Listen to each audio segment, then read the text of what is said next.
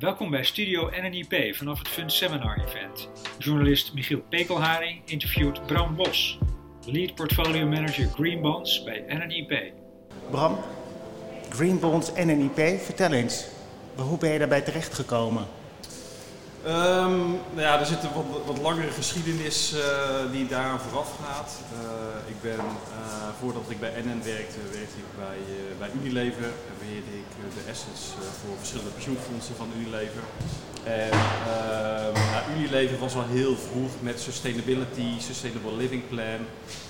Um, en in 2013, 2014, in die periode, wilden ze graag binnen Unilever dat pensioenfondsen duurzaam gingen leggen Um, dus toen ben ik eigenlijk gaan kijken van goh, binnen de creditportefeuilles en uh, staatsobligatieportefeuille, wat kunnen we doen?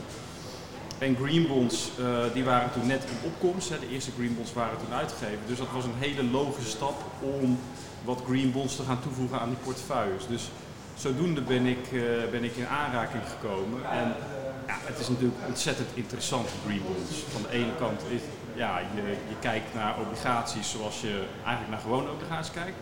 En er zit gewoon een andere invalshoek bij. En dat is de groenheid en de duurzaamheid. Ja, want laten we even een stap terug doen. Wat maakt een green bond nu eigenlijk groen? Want het is een relatief nieuwe smaak in de obligatiewinkel. Wat is, maakt dit anders dan normale obligaties? Ja, nou het interessante is dat eh, een, een groene obligatie is eigenlijk een gewone obligatie. Het heeft dezelfde karakteristieken, dezelfde credit rating, dezelfde verwachte rendement als een gewone obligatie. Het grote verschil is dat uh, bij een green bond uh, gaat de uitgevende partij van tevoren zeggen van dit geld dat ga ik specifiek besteden aan een aantal groene projecten. Die worden van tevoren gedefinieerd, die groene projecten. En uh, nadat al die projecten met die opbrengsten van die obligatie gefinancierd zijn, wordt die impact van die uh, projecten wordt ook gemeten. Dus wij zien het ook echt als een vorm van impact beleggen.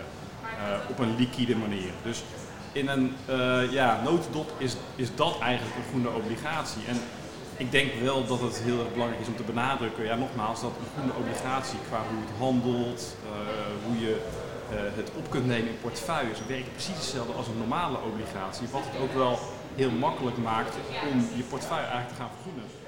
Valt er iets te zeggen over uh, de risico-rendementsverhouding van green bonds ten opzichte van uh, grijze obligaties? Nou ja, dat, dat vind ik heel interessant dat je dat vraagt, want dat is de meest gestelde vraag die wij krijgen van klanten. Ook meestal de eerste vraag. Uh, hoe zit het met het verwacht rendement en het risico? Um, als je specifiek naar een groene obligatie kijkt en die legt naast een normale obligatie van diezelfde uitgevende partij, dan is de risk return precies hetzelfde. Dus het verwachte rendement is hetzelfde. Um, dus dat, is niet anders. Uh, het is wel zo dat als je naar een portefeuille van green bonds gaat kijken uh, en dat vergelijkt met een normale obligatieportefeuille, heb je een andere samenstelling. Um, groene obligaties worden uitgegeven door bedrijven die over het algemeen wat meer vooruitkijkend zijn, die zich wat meer bewust zijn van ESG-risico's, die minder risico's lopen om bijvoorbeeld te blijven zitten met, zoals we dat noemen, stranded assets. Dus je risk return uh, van een specifieke allocatie naar green bonds zal het op lange termijn beter doen dan een normale obligatieportefeuille. En dat is eigenlijk ook wat we de afgelopen 6, 7 jaar he hebben gezien. Dat als je naar een obligatieportefeuille kijkt van green bonds, die heeft gemiddeld genomen per jaar ongeveer 0,3% beter gedaan. Maar dan heb je eigenlijk, als je kijkt naar green bonds, het is een deel van het beleggingsuniversum. Ik heb altijd geleerd, als je beleggingsuniversum kleiner wordt, heb je minder te kiezen, gaat het ook ten koste van je risicorendement. Is dat op de lange termijn een factor waar je als belegger op moet letten? Nou, ik, ik, denk, ik denk dat als je een jaar of vijf, zes teruggaat in de tijd, uh, dan toen was de green bondmarkt veel kleiner. Ja. En toen kon je wel afvragen van ja, kan ik nu echt een aparte allocatie maken naar uh, green bonds? Maar nu is die markt dermate groot uh, dat, dat de diversificatie groot genoeg is. Um, en um, ja, dat wij ook echt wel denken dat vanuit dat perspectief puur risk return, dat je minimaal hetzelfde rendement uh, haalt.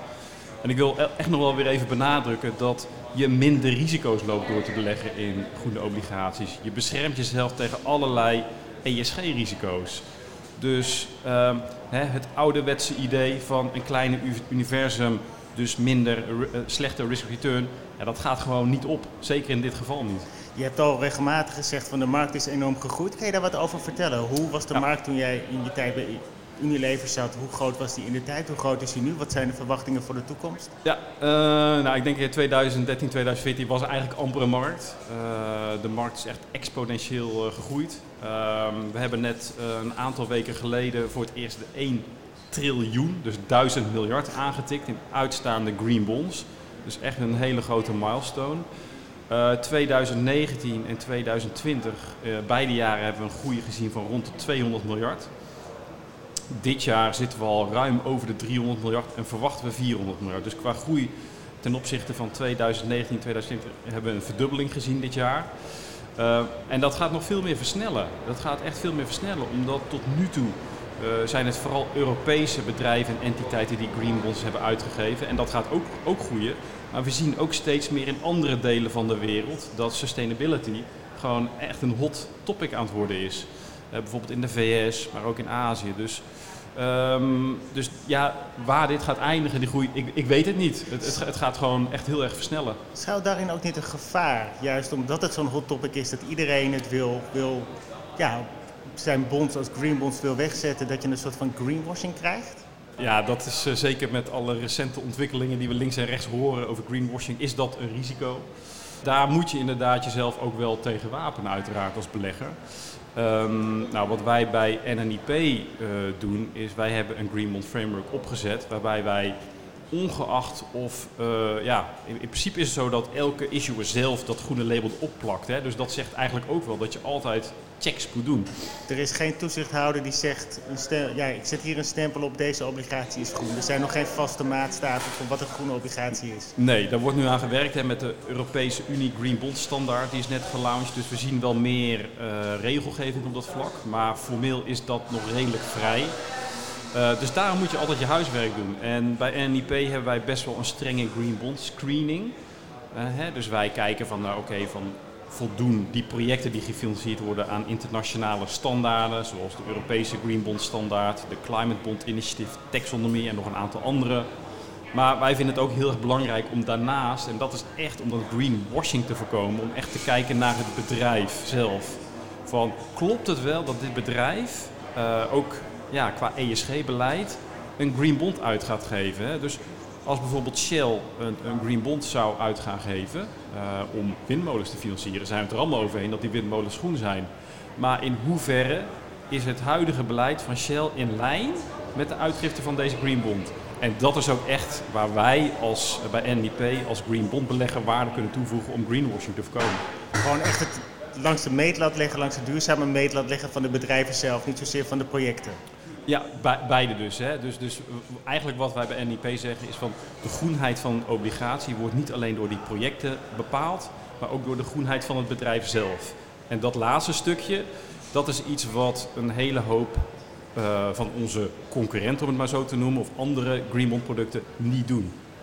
Helder. En toch kijken naar de toekomst. Uh, je hebt natuurlijk ook wel een prachtige periode achter de rug van Green Bonds. Alle focus op duurzaamheid, uh, relatieve rust op financiële markten, afgezien van de COVID-schok. Um, in hoeverre moet de Green Bond zich nog bewijzen? In hoeverre moet de Green Bond zich nog in moeilijkere tijden ook laten zien dat ze ook dan presteren? Ja, nou kijk, de Green Bond markt die bestaat al sinds 2008. En uh, het is niet zo dat deze markt er van de ene op de andere dag was. Uh, we zijn nu inderdaad uh, nou, een jaar of dertien onderweg. Er zijn best wel wat standaarden. En ik denk ook zeker als je, als je naar de crisis kijkt van, van de coronacrisis waar we vorig jaar doorheen gingen in de financiële, met de financiële markten in maart, april. Over het algemeen hebben Green Bonds het goed gehouden. Green bonds worden over het algemeen toch door beleggers gekocht die wat meer een lange termijn view hebben, dus wat meer buy and hold. Dus het is niet zo bij de eerste, de beste sell-off in de markt dat ze meteen al die obligaties gaan verkopen. Dus ze zijn gewoon wat stabieler. En dat, dat hebben we vorig jaar ook al in de, in de sell-off uh, in maart, uh, april gezien. Dus ik denk eigenlijk al, hè, omdat ze al zo lang bestaan en zeker de, de crisis die we vorig jaar zagen, dat green bonds uh, zich eigenlijk al goed bewezen hebben in de financiële markten. En als ik jou zo hoor, dan, dan past het gewoon prima in de portefeuille naast uh, normale obligaties. Ook als vervanging van normale obligaties. Zie je, zie je dat ook al gebeuren? Partijen die hun hele portefeuille als het ware green maken? Ja. Ja, dat zien we wel steeds meer gebeuren. Uh, ik denk een jaar of drie, vier geleden was het vooral van... goh, we willen wat impact beleggen doen. Laten we een stukje daarvan in green bonds beleggen. Uh, wat we nu zien door de groei van de markt, uh, dat uh, steeds meer partijen, zowel retail, maar ook institutioneel, zoals pensioenfondsen, eigenlijk zeggen van ik heb heel veel obligaties. Als ik echt iets significants wil gaan doen, dan moet ik dat stuk gaan vergroenen. Ja, en er is niks makkelijkers dan je gewone obligaties vervangen met, met, met green bonds. Dus het is, het is heel laagdrempelig. En heel vaak zien we bijvoorbeeld partijen die zeggen van nou, ik heb bedrijfsobligaties. Nou, laat ik beginnen met een kwart van mijn bedrijfsobligaties. En naarmate ze zien dat het meer rendement oplevert, minder risico's uh, loopt uh, en ook echt bijdraagt voor de, uh, aan de vergoeding van, port van de portefeuille, zien we, zien we dat zij die allocaties toenemen over tijd. Je zegt het eigenlijk al, green bonds als een manier van impact beleggen. Natuurlijk, fixed income is het grootste deel van de, ja, van de beleggingswereld. Als je dat kan pakken met impact investing, kan je een gigantische slag maken. Maar ik ben wel benieuwd, op aandelengebied zie je eigenlijk al dat veel partijen al enige tijd bezig zijn met de SDG's, de duurzame ontwikkelingsdoelen. Is dat iets waar jullie ook op focussen? Nou, SDG's uh, die zijn er denk ik nu een jaar of vier, vijf. Green bonds zijn er al langer. En um, Kijk, ik zie SDG's vooral als een vorm van uh, communiceren en rapporteren. Dus als jij een green bond koopt, dan krijg jij uh, exposure naar bepaalde SDG's. Uh, hè? Dus, dus het is niet zo dat wij nu in één keer heel anders naar green bonds gaan kijken doordat er SDG's zijn. Ja, nogmaals, wij rapporteren ook met onze green bonds wat voor SDG's, naar wat voor SDG's je exposure krijgt. Maar het is niet iets wat wij zeg maar, aan de gate gebruiken om Greenmont te screenen. Is het iets waar klanten al naar vragen of is dat nog te vroeg eigenlijk? Ja, we zien wel dat steeds meer klanten, uh, bijvoorbeeld pensioenfondsen, zeggen van nou ja, ik wil mijn duurzaamheidsbeleid, daarbij wil ik mijn focus op 1, 2 of 3 SDG's. Dus dan gaan ze wel kijken van goh, als ik nou beleg uh, in, in de Green Bond strategie van NNIP, welke SDG's, uh, ja, naar welke SDG's krijg ik dan exposure en is dat in lijn met mijn duurzaamheidsbeleid? En als je nu kijkt naar, naar, naar de toekomst, eigenlijk, je zegt eigenlijk al dat het behoorlijk snel groeit. Waar moet ik aan denken? Welk percentage van de totale obligatiemarkt is groen als we kijken naar bijvoorbeeld 2030? Durf je je daaraan te wagen? Uh, ja, het liefst 100% natuurlijk. ja, weet je, ik, ik denk dat er altijd een onderscheid zal blijven tussen, tussen dronken groen en, en minder groen. Ik denk wel dat de hele obligatiemarkt aan het verschuiven is. Je ziet ook wel dat naast de groene obligaties ook andere smaakjes komen, zoals social bonds, sustainability bonds enzovoorts. Maar ik denk zeker, uh, kijk, als, we, als je nu al naar de fixed income markt kijkt in Europa, is, is dit jaar in euro's is ongeveer een kwart wordt al met een sustainability label uitgegeven. Dus dan kan green, social, sustainability zijn. Dus ik denk zeker dat, dat, dat meer dan een kwart van de, van de totale fixed income markt wereldwijd uh, met een duurzaamheidslabel op termijn uitgegeven moet, uh, moet gaan worden. En ja, dat betekent echt nog triljoenen extra uh, die, die onder dit label gaan vallen in de toekomst. En hoe belangrijk wordt die segmentatie waar je het over had? Social, sustainable? Ja. Ja, ik, ik, ik vind het heel gezond hè, dat, dat met de groei van sustainable fixed income dat je meer labels gaat krijgen, ook meer thema's kunt gaan spelen. Dus groene obligaties, nou ja, daarmee eh, focus je heel, heel erg op, op klimaatverandering en het, het, terugbrengen van je CO2-uitstoot van je portefeuille. Heel goed.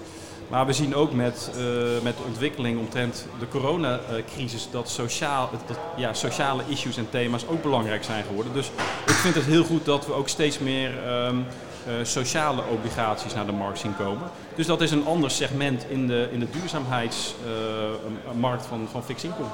En zijn er nog andere trends die, die je eigenlijk nu ziet, ja, zich ziet, ontvouwen? Nou, die, die van social bonds is in mijn ogen ook wel een hele belangrijke.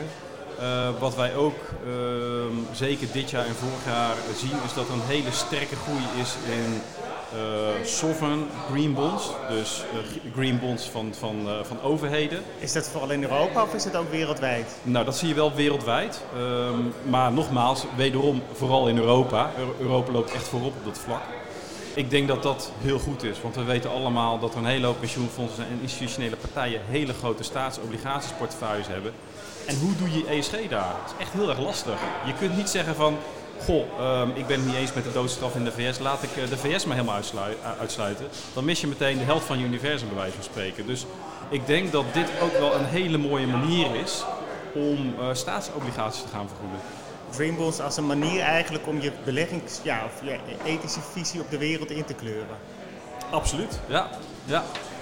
Dat is een heel mooi vooruitzicht. Ja, zeker. Rambos, dankjewel. Ja, graag gedaan. Bedankt voor het luisteren naar Studio NNIP. Graag tot de volgende keer.